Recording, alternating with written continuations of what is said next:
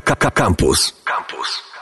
Przenosimy się tematycznie do Szkoły Głównej Gospodarstwa Wiejskiego, tym razem do Instytutu Nauk Ogrodniczych. Ja nazywam się Kamil Kuć, zapraszam. Naukąt. Nietypowo, bo od samych podstaw. Mam na myśli drzewo jaką, jako y, samą koncepcję tego, czym ono w ogóle jest, jak łączy się ono bezpośrednio y, z naszym życiem.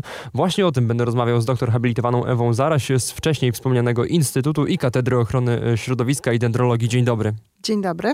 No, parafrazując takiego y, encyklopedycznego klasyka, drzewo jakie jest, y, każdy widzi. Myślę też, że każdy wie, jak szerokie zastosowanie ma, że na każdym etapie naszego życia ono w ogóle uczestniczy że technicznie bez niego byłoby nam niezwykle trudno funkcjonować nawet w tych dzisiejszych czasach, kiedy już mamy mm, te zastępniki w formie metalu, plastiku. Mm, no, przykładów użyć jest tak dużo, że nawet nie będę próbował pokazywać i wnosić ich do życia, dlatego że no, niezliczona ilość. Moglibyśmy godzinę o tym na pewno rozmawiać. Jednak mimo wszystko wydaje mi się, że możemy w tym wszystkim zapominać, jak ważną rolę mm, one pełnią w naszym życiu i pełniły od Zawsze? No, no, no właśnie, czy mogę w ogóle tak powiedzieć? No chyba od zawsze, ale parafraza bardzo mi się podoba. Sama jestem koniarą, więc jaki koń każdy widzi. Tak I jakie drzewo jest też każdy widzi. No właśnie, e, wspomniał pan o jakichś zamiennikach. E, nie, to w przypadku drzewa absolutnie nie możemy mówić o żadnych erzacach, zamiennikach, e, tudzież e, innych e, tworach, ponieważ tak na dobrą sprawę, gdybyśmy się tak dobrze zastanowili, no to na dobrą sprawę możemy mówić, e, że cywilizacja w ogóle mogła się rozwijać, no bo były drzewa. No bo tak, one... bo gdyby nie drzewa, to nie wiem od czego moglibyśmy w ogóle zacząć i od czego moglibyśmy wyjść tak technicznie. No prawda, domu z piasku nie zbudujemy. No nie. No. no musi być jakieś lepiszcze, ale nim do lepiszcza dojdziemy, no to nawet gdy mamy to lepiszcze, no to jakieś oszalowanie jest potrzebne, więc no Od drzewa nie uciekniemy. Ale jeszcze ogień przecież został. No, to, żeby lepiście było, to jeszcze ognia no, potrzebujemy no, jakiegokolwiek, no, żeby coś wypalić, prawda? Więc. E, drzewo staje się w pewnym sensie taką kolebką życia człowieka i rozwoju cywilizacyjnego. E, I szczególnie dzisiaj e, to drzewo znowu staje się szalenie istotne, bo okazuje się, że to jest, drzewa są remedium na nasz e, współczesny świat, który niesie ze sobą przeróżne zagrożenia dla człowieka i zagrożenia klimatyczne. No mówimy o zmianie klimatu, no żebyśmy nawet nie wiem jak bardzo zaprzeczali temu faktowi, to jednak to się dzieje na naszych oczach. No i w związku z tymi zmianami klimatu pojawiają się przeróżne historie w naszym życiu. Pojawiają się powodzie, pojawia się e, bardzo wysokie nagrzanie miast. E, no i okazuje się, że i tym powodziom, i temu nagrzaniu miast, i tej niekorzystnej cyrkulacji e, powietrza, czyli mikroklimat miast, no temu wszystkiemu może zapobiec właśnie drzewo. I nie drzewo takie młodziutkie, pozyskane z jakiejś szkółki, posadzone, tylko właśnie te dojrzałe drzewa, no mówimy sędziwe. No generalnie te duże, dorosłe, dojrzałe drzewa, bo one jednak, mm, no właśnie, mają najlepiej rozbudowany system korzeniowy i dzięki temu, że te korzenie gdzieś nam w tej glebie się rozwijają, no to są swego rodzaju gąbką, w którą wsycha woda. On, ta woda nie ucieka, nie spływa do rzek, tylko jest retencjonowana, zachowywana w takim banku e, w glebie. I dzięki temu nie ma aż tak potężnych, może nie być aż tak potężnych powodzi, czyli tu mówimy właśnie o retencjonowaniu wody. Jak sobie pomyślimy, że Polska ma kłopot z wodą, no ewidentny ten kłopot z roku na rok e, się staje coraz lepiej widoczny, no to też ta gąbka by nam się przydała. Hmm. A część nadziemna, no to proszę Państwa, jak przyjdzie upalne lato, to każdy szuka tego cienia a to jest tylko wierzchołek góry lodowej tych wszystkich dobrodziejstw klimatycznych, mikroklimatycznych, jakie drzewo ze sobą człowiekowi daje. I generalnie mówi się, tak lubimy mówić, że drzewa są bezcenne, że yy, no, nie można ich wycenić, a jednak komuś się to udało zrobić. I faktycznie gdzieś ta wycena tego drzewa się udała i yy, nawet powstało jakieś podsumowanie tego wszystkiego w postaci zarobków drzewa. Tak, tak. Mówimy tu o usługach ekosystemowych, e, jakie drzewa świadczą. No i faktycznie jest to coś, co daje się przeliczyć na pieniądze. E, I odpowiednie algorytmy pomagają nam w tym, ale nim dojdziemy do, pienio do pieniądza, no, który de facto też, też poniekąd z drewna jest wykonywany. to, to bo, prawda. prawda. No, jak patrzymy oczywiście na nasze banknoty, no to one nie są z plastiku. Wszystko zostaje w przyrodzie. Wszystko zostaje w przyrodzie, absolutnie. E, ba, i nawet właśnie te banknoty o największych nominałach, e, których tylko kilka na świecie zostało wyprodukowanych, tu myślę o Banku Wielkiej Brytanii i tych takich formatu A4 Mhm. banknotach, no bo to nie są jako takie papiery wartościowe, tylko banknot opiewające na e, miliony funtów. Tak więc e, faktycznie kawałek drzewa może być bardzo cenny w takim ujęciu. Ale oczywiście tu e, myślę, że warto właśnie powiedzieć o tej bardzo wymiernej wartości drzew, e, tych właśnie usług ekosystemowych, które owe drzewa nam świadczą. Co prawda jestem zwolennikiem takiego właśnie podejścia do usług systemowych, że jest to tak na dobrą sprawę stare wino w nowej butelce, bo e, wszystko to, o czym myślimy, mówiąc o usługach ekosystemowych, to zawsze nam towarzyszyło i mniej lub bardziej sobie z tego zdawaliśmy sprawę. Ale gdybyśmy mieli właśnie tak rozłożyć na czynniki pierwsze, no to okaże się, że właśnie drzewo potrafi pełnić funkcje regeneracyjne, no bo właśnie regeneruje powietrze. I to jest chyba ta największa wartość, jaką e, pracy, jaką świadczy e, drzewo w naszym otoczeniu. Przecież to popatrzmy sobie, to są potężne biofiltry. Mówimy Mhm. o smogu. No co prawda akurat w przypadku Polski z tym smogiem mamy pewien e, kłopot, bo on najintensywniej rozwija się wtedy, kiedy drzewa liści nie mają. Ale Tak, jest nawet zimno akurat. jest zimno, tak. Ale nawet w takiej sytuacji to nie tylko liście pomagają nam przefiltrować powietrze, czy zatrzymać jakoś mm, e, to, co w tym powietrzu jest szkodliwe, również sama struktura drzew, czyli im drzewa gęstsze, no ale jeszcze nie zapominajmy o roślinach iglastych. One całorocznie pełnią taką Mhm. funkcję e, biofiltra. No właśnie, no i oprócz tego, że nie tylko filtrują nam powietrze, to jeszcze dzięki procesom fizjologicznym produkują tlen, czyli są w czymś w rodzaju takiego dekarbonizatora. I no, to jest, no niby można wycenić, ale tak na dobrą sprawę to trzeba sobie pomyśleć o tym, że jest to usługa bezcenna. A do tego jeszcze dochodzą oczywiście inne aspekty, które również można wycenić, no chociażby ten taki w przypadku e, elementów przyrodniczych może czasami pomijany e, panel usług ekosystemowych związanych z walorami kulturowymi. Czyli z kształtowaniem krajobrazu kulturowego, który no tak na dobrą sprawę to jest y, no jedyne rozwiązanie, które, mm, dzięki któremu nie dochodzimy do unifikacji krajobrazów wokół nas, że mamy te krajobrazy bardzo specyficzne, no i one są wyrażane też naturalną szatą roślinną, a tym najistotniejszym elementem jest oczywiście e, drzewo, bo jest to ten trwały element. Ale nie tylko, nawet te rośliny, które pojawiają się dzięki e, obecności, czy dzięki pracy człowieka, czyli myślę tu o gatunkach e, i odmianach sztucznie sprowadzanych, sprowadzanych z innych rejonów świata, czyli o tych gatunkach obcego pochodzenia, no one też e, są swego rodzaju takim świadectwem e, cywilizacyjnym, bo proszę zobaczyć na parki historyczne. No, na Mhm. dobrą sprawę, analizując e, dendroflorę, czyli skład gatunkowy drzew, krzewów takich parków historycznych, jesteśmy w stanie przypisać powstanie danego obiektu do określonej epoki historycznej, mody, e, więc nawet w takim ujęciu to drzewo pełni pewne funkcje, które, jak się okazuje, ekonomicznie dają się wyliczyć. No właśnie, bo już powiedzieliśmy o tym, że faktycznie tak technicznie one są bezcenne, ale gdzieś te liczby się pojawiają na, w tych całych badaniach, dlatego muszę o nie zapytać, jak faktycznie to ekonomicznie wygląda w takim wypadku. Jakie to są kwoty przedstawiane przez y, naukowców i algorytmy, które to wyliczyły? O, to te kwoty naprawdę sięgają milionów. Milio- milionów nawet nie mówię złotych, ale euro i dolarów i najlepiej o tym świadczą prace przeprowadzone, czy badania przeprowadzone e, w, no chociażby w Nowym Jorku, gdzie okazuje się, że właśnie dzięki, e, dzięki istnieniu drzew zostaje od, z powietrza odpompowanych no, wręcz tony e, dwutlenku węgla, więc to jeżeli przeliczymy na konkretny pieniądz, no to faktycznie usługi ekosystemowe w takim powiedzmy filtracyjnym ujęciu, no to są miliony, żeby nie powiedzieć miliardy dolarów. Ale tu musimy jeszcze pamiętać o jednym takim aspekcie, no chociażby właśnie wspomniana przeze mnie mm, e, działalność przeciwpowodziowa, przeciwerozyjna drzew. No, e, tak, jeszcze przy okazji ochładzają miasto. No tak, dokładnie. A to jest z kolei szalenie istotne, jak jeszcze popatrzymy sobie o takie aspekty, na takie aspekty zdrowotne człowieka.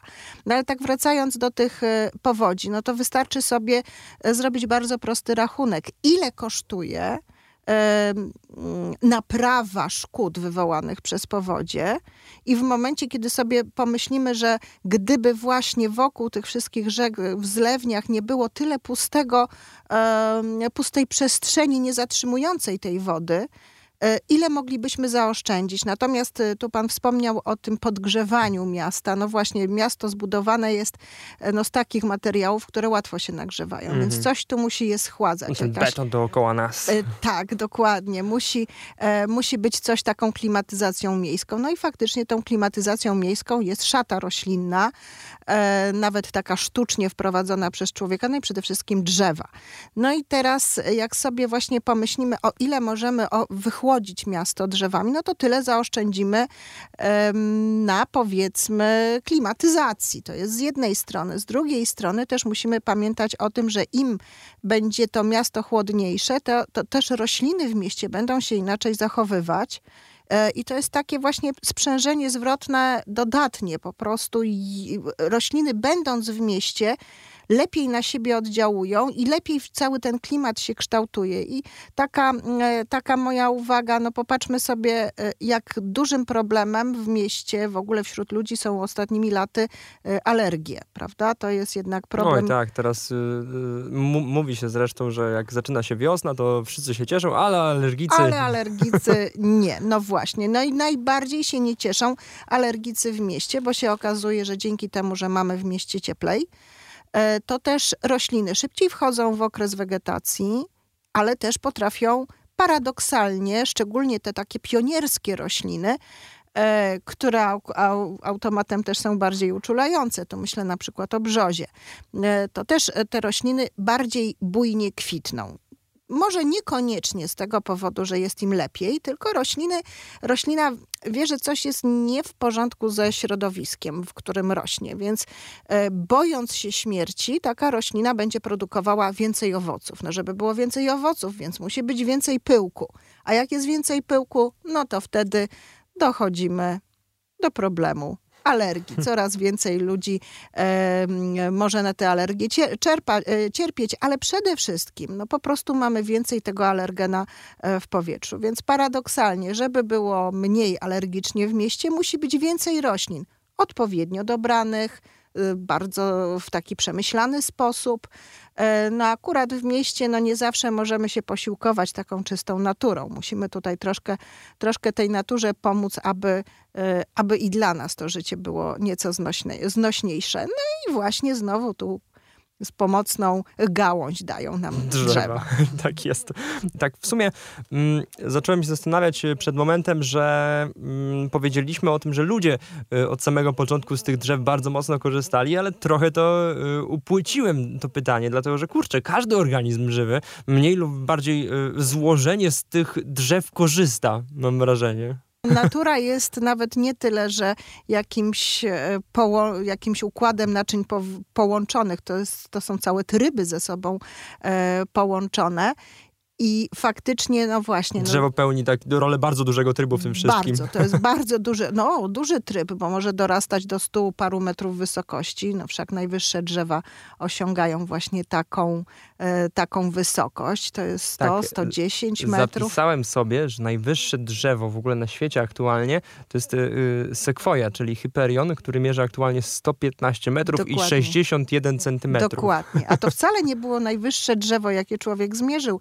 Naj Najwyższym był eukaliptus królewski, który e, po ścięciu, ta kłoda po ścięciu miała 134 metry e, długości. Do tego jeszcze by trzeba było doliczyć część odziom, odziomkową. Także, tak więc naprawdę to proszę sobie wyobrazić, jak to jest duża roślina. Też jaka nasada musi być potężna, prawda? Potężna, potężna, tak. Najgrubsze drzewo na świecie ma ponad 40 metrów obwodu.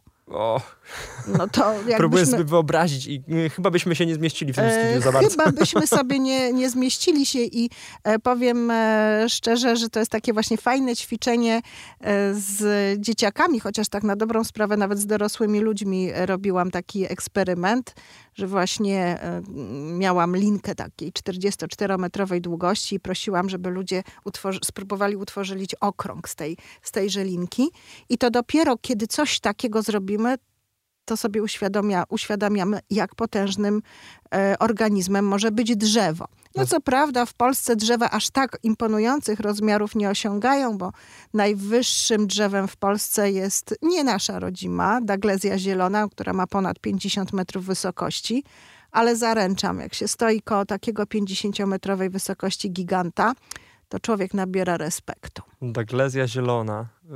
Próbuję sobie wyobrazić, jak wygląda. Bym, bym musiał sprawdzić w internecie, dlatego że... Zimozielone drzewo, bardzo podobne do świerków, e, o takich zabawnie wyglądających szyszkach. Tak sobie jeszcze myślę, że 115 metrów, wracając do tej sekwoi, przewyższa e, bez żadnego problemu statuę wolności mm -hmm. i mhm. jeszcze do tego y, y, albo Big Bena brytyjskiego. Tak, tak, dokładnie. To jest no jedynie, prawda, e, najnowsze drapacze chmur tak, mogą... potrafią tak, faktycznie przewyższyć. Przewyższyć. Przewyższyć. Jeszcze, jeszcze niedawno, na pewno y, niedawno, mam na myśli jakieś 100 lat temu, drzewa są znacznie, znacznie starsze, te, te które... Właśnie, po, powiedzieliśmy o, o, tych najwyższych drzewach, to jeszcze te najstarsze powinniśmy mieć. A to jest bardzo ciekawy temat.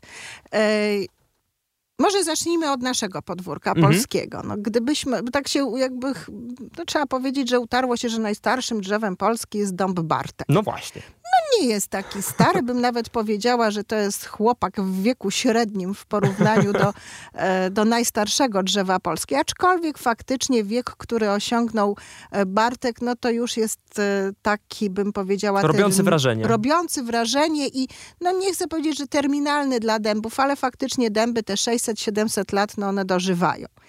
E, natomiast najstarszym drzewem Polski jest, e, no powiedzmy, niepozorny cis, bo on wcale taki duży, imponujący o. nie jest. E, raczej nam kojarzy się z krzewem niż z drzewem. No i właśnie ile ów cis ma? No prawie 1300 lat, więc wow. Prawda? Więc to robi wrażenie. A największe wrażenie zawsze, jak mówię właśnie, o, o, opowiadam o cisach, robi takie porównanie, no, kiedy nasionko tego cisa padało na ziemię, kiedy zaczynało się z tej, z tej nasionki rozwijać życie, rozwijała się sieweczka, to państwowość polska zaczynała się. Więc... No właśnie, 700 rok. No właśnie, to jest, to jest y, równolatek Polski. Mm. Więc y, to chyba najbardziej oddziałuje na naszą wyobraźnię. Ale te 1300 lat to wcale nie jest taki bardzo imponujący wiek jak na drzewa. E, ponieważ no, oliwki dożywają znacznie dłużej. E, mamy w Europie oliwki sięgające no, kilku tysięcy lat. E, najstarsze takie drzewo, marki drzewo, no to jest, to są sosny, sosny sędziwe rosnące sobie w Ameryce Północnej. One mają 5-6 tysięcy lat. Ale mamy jeszcze z drzewami jeszcze jedno takie bardzo ciekawe zjawisko. Czasami to, co nad ziemią, potrafi obumrzeć, ale to, co na dobrą sprawę w budowie drzewa jest najcenniejsze, czyli system korzeniowy, może przeżywać nawet wtedy, kiedy nad ziemią ta pierwotna roślina już przestaje istnieć, ale właśnie rozwija się system korzeniowy. I właśnie taką rośliną, która rozwija się z takiego bardzo starego systemu korzeniowego, jest świerk pospolity, rośnie sobie na północy Skandynawii i system korzeniowy tego drzewa ma e, około 9 tysięcy lat. To jest Europa. Natomiast w Ameryce Północnej e, przypuszcza się, że system korzeniowy, z którego rozwija się naprawdę całkiem spora połać lasu, Populus tremuloides, to jest topola osikowata, e, no, szacuje się, że ten system korzeniowy może mieć dziesiątki tysięcy lat, więc No to 1300 to, to już nie robi aż takiego wrażenia. a powiedzmy 80 tysięcy w niektórych e, pozycjach w literaturze można znaleźć właśnie taką wartość, e, w, jeśli chodzi o liczbę lat e, przypisywaną systemu korzeniowemu tegoż drzewa, no to 80 tysięcy, no to, no to już robi To wrażenie. już robi wrażenie, to prawda. Ciekawostki o drzewach. Moglibyśmy, mam wrażenie, rozmawiać o tym jeszcze bardzo długo. Niestety czas nam się e, e, antenowy już skończył. E, mam nadzieję, że uda nam się jeszcze wrócić do tej rozmowy. Oj, Długo. bo o drzewach faktycznie można mówić Powiem dużo. szczerze, przygotowałem sobie, to była jedna piąta tego, co sobie przygotowałem na tę rozmowę, a już rozmawiamy od 20 minut, więc e, mam nadzieję, że jeszcze do niej powrócimy. Rozmawiałem oczywiście z doktor habilitowaną Ewą Zaraś z Instytutu Nauk Ogrodniczych Szkoły Głównej Gospodarstwa Wiejskiego i Katedry Ochrony Środowiska i Dendrologii. Dziękuję niezmiernie za rozmowę. Dziękuję również. Słuchaj Radio Campus, gdziekolwiek jesteś. Wejdź na www.radiocampus.fm.